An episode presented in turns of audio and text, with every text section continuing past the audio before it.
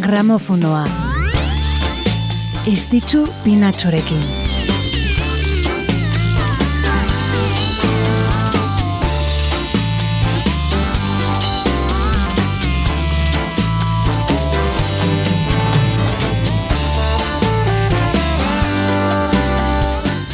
Arratxaldeon eta ongietorri gramofonora, musika efemerideen saiora, naiz irratian gaude, eta astero-astero larun batetan, tenore honetan, musikaren estenak utzitako gertakaririk esanguratsuenei tartea egiten diegu. Aste honetako efemeridea ipagarrienen errepasoa egiten dugu. Hori guzia, musikarik onenak lagunduta. Beraz, gelditu gurekin gramofonoa aste ardata. Guazen! You made me cry when you said goodbye. Ain't that a shame? My tears feel like rain. Ain't that a shame? You're the one to blame. You broke my heart when you said we'll part. Ain't that a shame? Asteleneko efemeride batekin hasiko gara, otxailaren hogeita zeira joanen gara. Rollaren aintzindarietako baten jaiotza ospatu genuelako. Herri musikan aztarna ezaba ezina utzidun artista batena.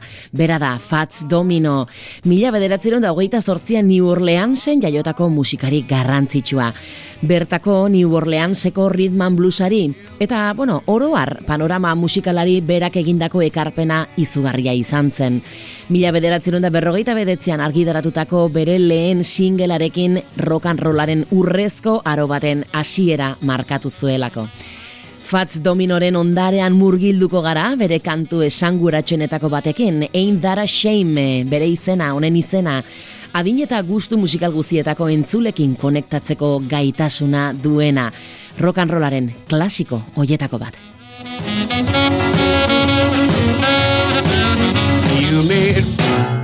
Me cry when you said goodbye. Ain't that a shame? My tears feel like rain.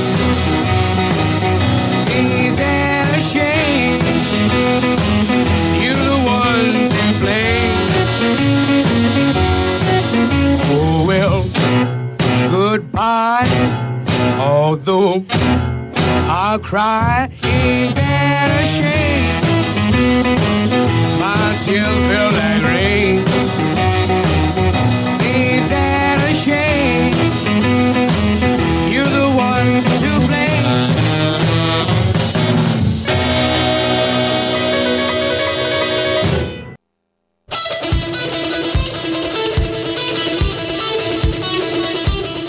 Astelenean Fats Domino rock and rollaren erraldoiaren jaiotza gogoratu genuen eta aste artean otsailaren hogeita zazpian bertze bi izen garrantzitsu.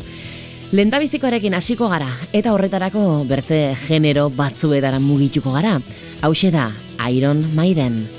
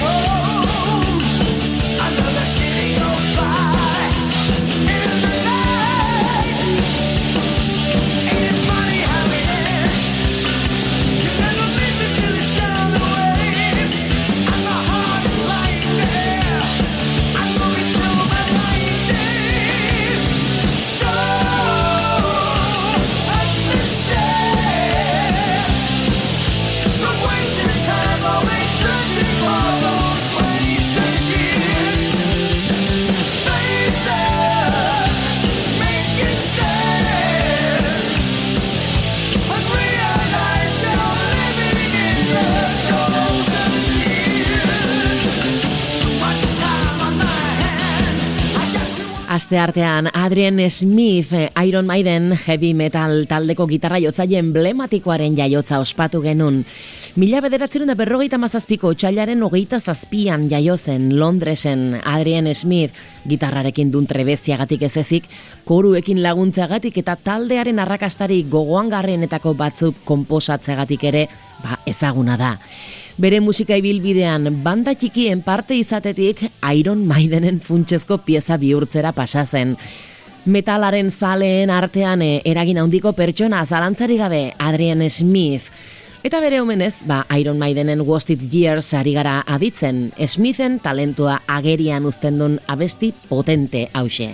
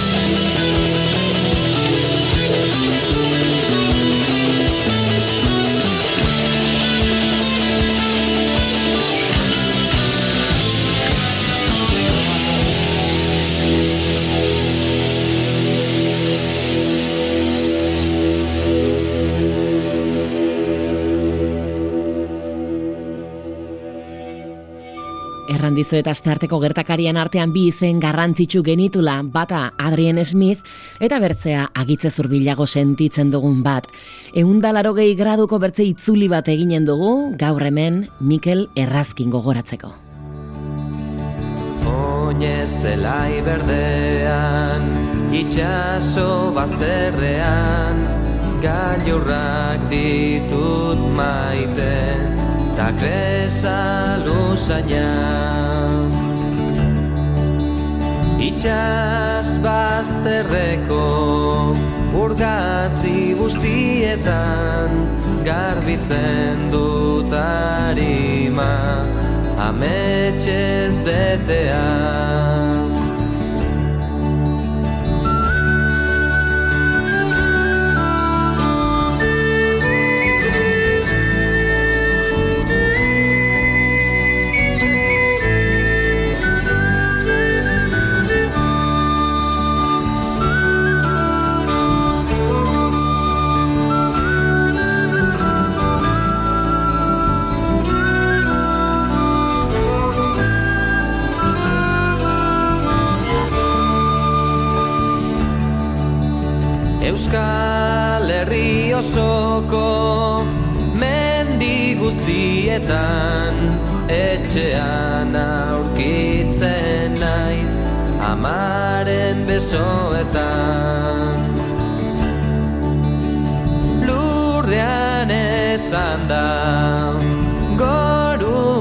begira.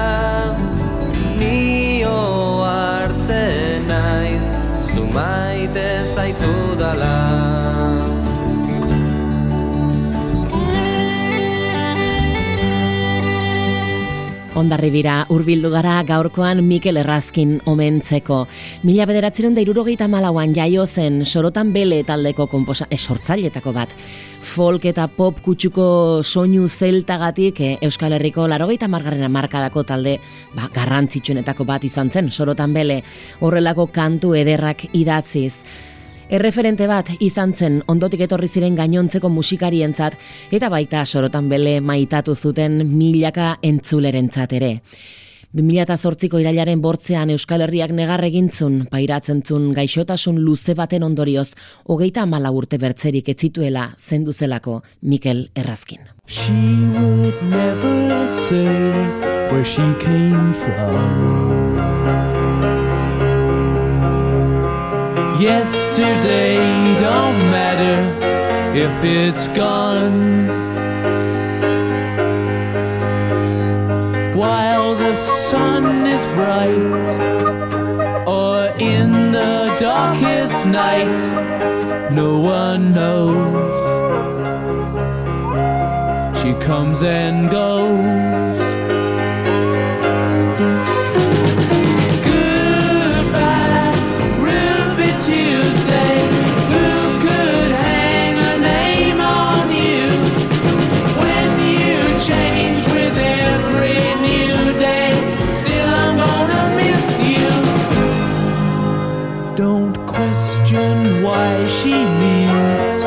Be so free.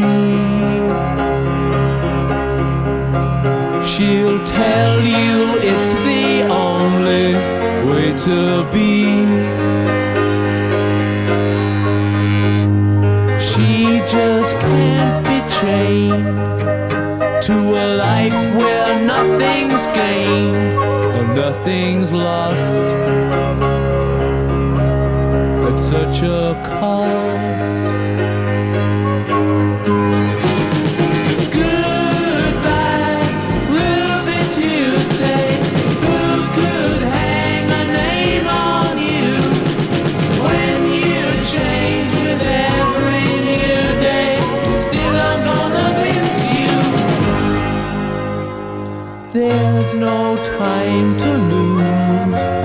Her say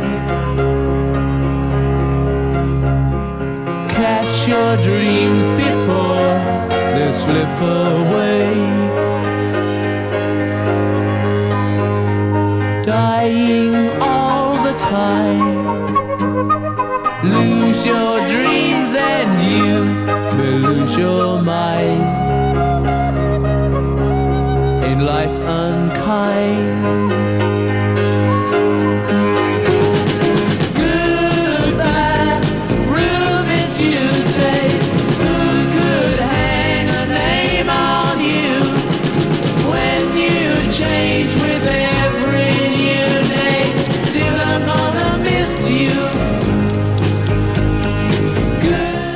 Otsailaren hogeita zortzian gazte joan zitza egun bertzen musikari bat gogoratu genun. Hogeita zazpi urtekin zendu ziren musikarien zerrenda beltzean ageri delako bertzeak bertze Brian Johnson izena. Gazte hiltzen bai, dino, bueno, tristurak alde batera utziko ditugu. Aste honetako efemeriden artean Brian Johnson jaioteguna ospatu genulako. Eta badaze ospatua, eh? Gazte joan bazen ere horrelako kantu ederrako paritu zizkigulako. The Rolling Stones taldeko kidea izan zen bera, Brian Jones. Gramofonoa, estitzu pinatxorekin. Funtsezko pieza izan zen Brian Jones Rolling Stonesen eh, edo Rolling taldearen lendabiziko urteetan gitarrarekin zun trebetasunaren gatik ez ezik taldearen soinua definitzen lagunduzulako. The Rolling Stonesen Rabbit Tuesday aditu dugu taldearen astapeneko esentzia berreskuratu eta Brian Jonesek taldeari eman zion aberastasunaz ba, gozatzeko. Gramofonoan jarraitzen dugu asteko efemerideak errepasatzen ari gara eta egun berean otxailaren hogeita zortzian jaiotako bertze musikari batekin segituko dugu orain.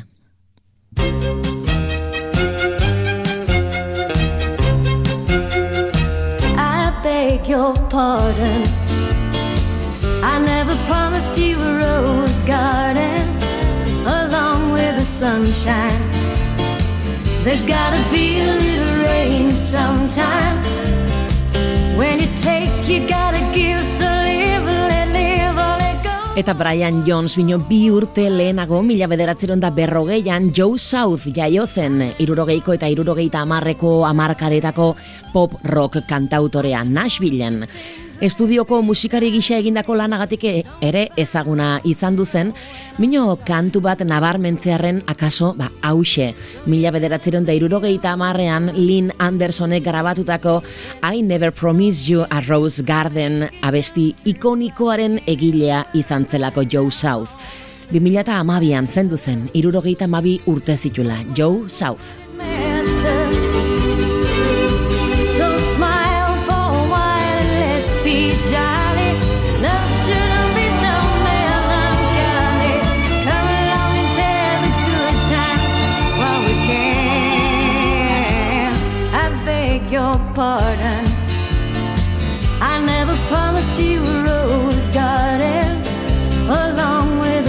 Sunshine. There's gotta be a little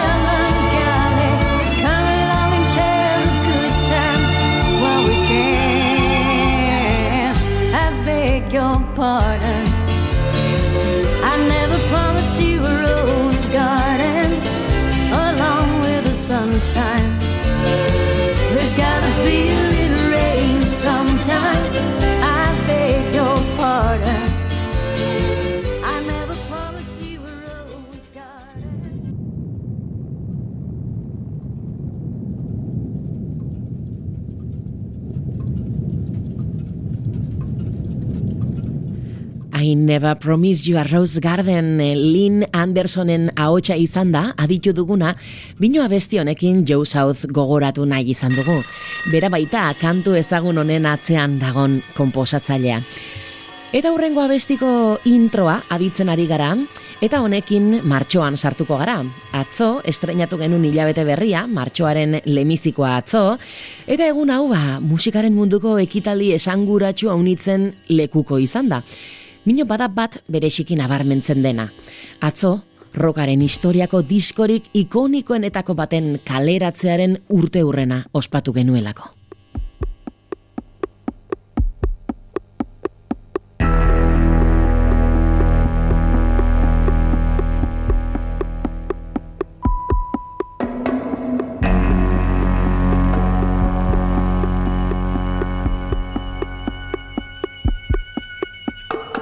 Pink Floyden The Dark Side of the Moon diskoaz ari naiz. Mila bederatzerun da irurogeita amairuko martxoaren batean argitara edo argia ikusizuna. Maixulan erraldoi, hoietako bat, fenomeno bat bilakatu zena. Denbora, gutizia, gerra edota osasun mentala bezalako gaiak jorratu zituzten. Mugarri bat ezarrizun musikaren industrian. Pentsa, zazpireun da berrogeita bat astez, Billboard berreunen zerrendan egontzen. Hau da, jaitxun amalau urtez izan zen album hau munduko berreun diskorik salduenetako bat. Pink Floyden The Dark Side of the Moon, euren diskorik ospetsuena ziurrenik. Eta kantu honen izena Time, Pink Floyden eh, magian murgiltzeko. Album honetako abesti esanguratsuenetako bat da hau. Taldearen ba, berrikuntza musikala erakusteaz gain diskoa beresi egiten duen kantuetako bat eta euren hitzetan gure bizitzak nola bizi ditugun eta ies egiten digun denborari buruz hausnartzera gonbidatzen gaitun kantua. Time, Pink Floyden The Dark Side of the Moon albumaren urte urrena ospatzeko.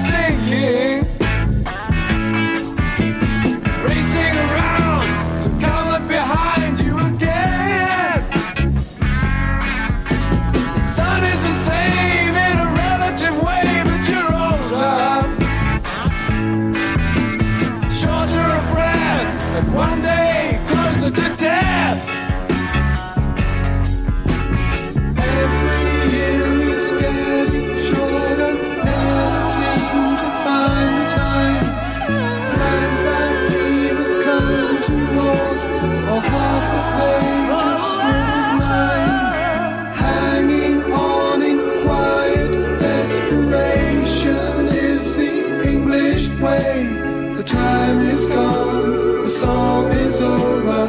Thought I'd something more to say.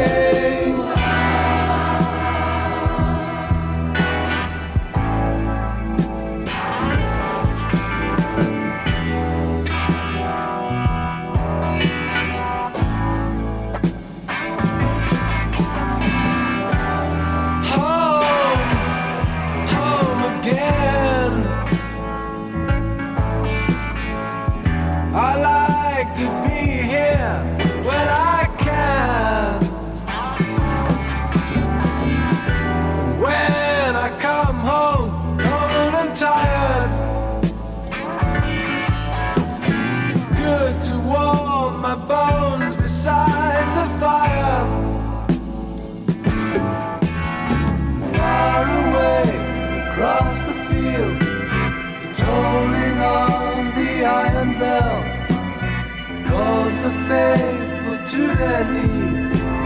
You hear the softly spoken magic.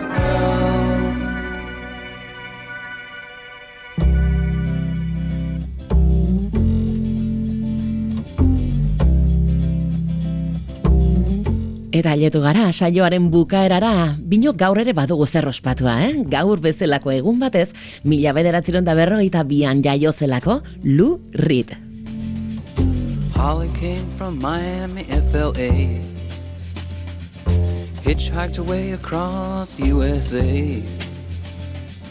Plucked her eyebrows on the way, shaved her legs, and then he was a she. She says, Hey, babe, take a walk on the wild side. Said, Hey, honey, take a walk on the wild side. Gaur lurri dekarri nahi izan dugu gogora rock alternatiboan izan zun eragina ba, uka ezina baita. Lurridek bizitzaren konplexutasuna eta giza existentziaren edertasuna aztertzen zuten abestien ondarea utzi zigun. Naiz eta gaur ez dugun bere album espezifiko baten kaleratzea gogoratuko, lurridek utzitako aztarna ospatzeko eguna da urrengo belaunaldientzat bideak ireki zitulako eta inor gutxi jorratzera usartu zen gaien inguruan idatzi zulako. Eta lurrit gogoratzeko bere abesti emblematikoenetako bat, Walk on the Wild Side.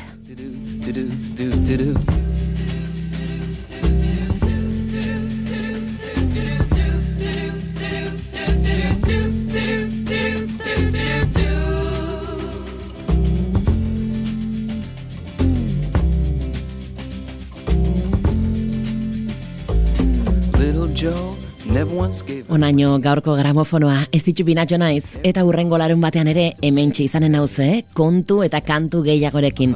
Bitartean, badakizue, txintxo ibili eta zoriontsu izan. Take a walk on the wild side. I said, hey Joe, take a walk on the wild side.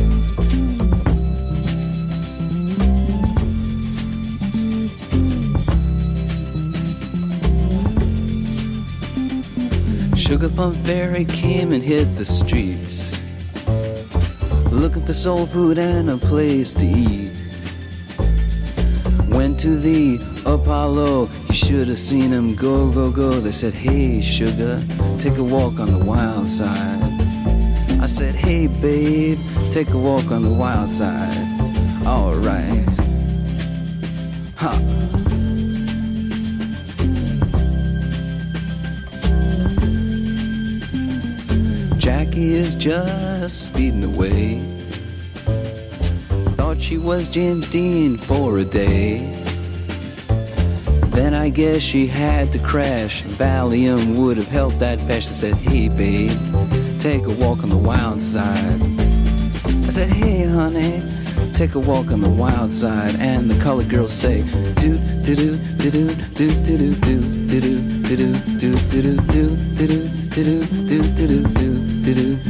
do, do, do, do, do.